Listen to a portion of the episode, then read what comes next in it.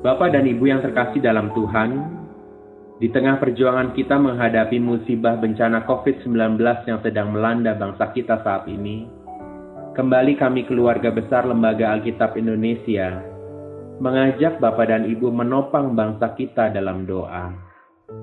Saya akan membacakan kisah para rasul 7 ayat 59 sampai dengan 60. Sedang mereka melemparinya, Stefanus berdoa, katanya, Ya Tuhan Yesus, terimalah rohku. Sambil berlutut ia berseru dengan suara nyaring, Tuhan, janganlah tanggungkan dosa ini kepada mereka. Dan dengan perkataan itu meninggallah ia.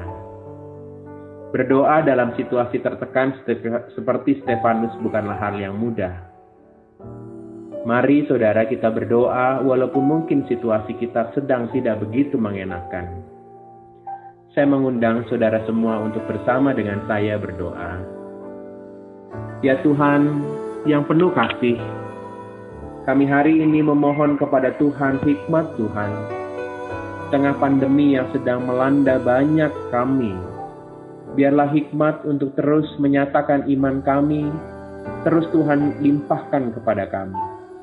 Sehingga dalam tekanan sekalipun, kami boleh mampu menyatakan iman kami di tengah dunia ini.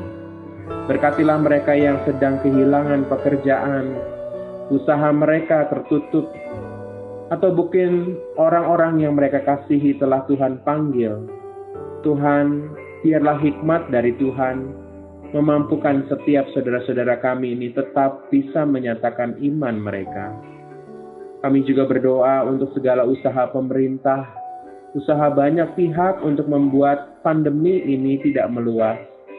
Kami mau berharap Tuhan berikanlah keberhasilan pada kami semua.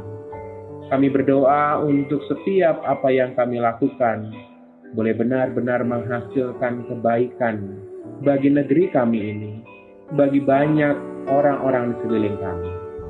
Akhirnya, kami serahkan masa depan kami kepada Tuhan, karena kami mau percaya Engkau memiliki rencana-rencana luar biasa, dan kami mau percaya Tuhan akan menggenapi pada waktu Tuhan.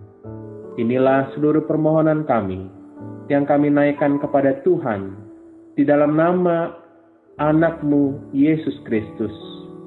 Amin.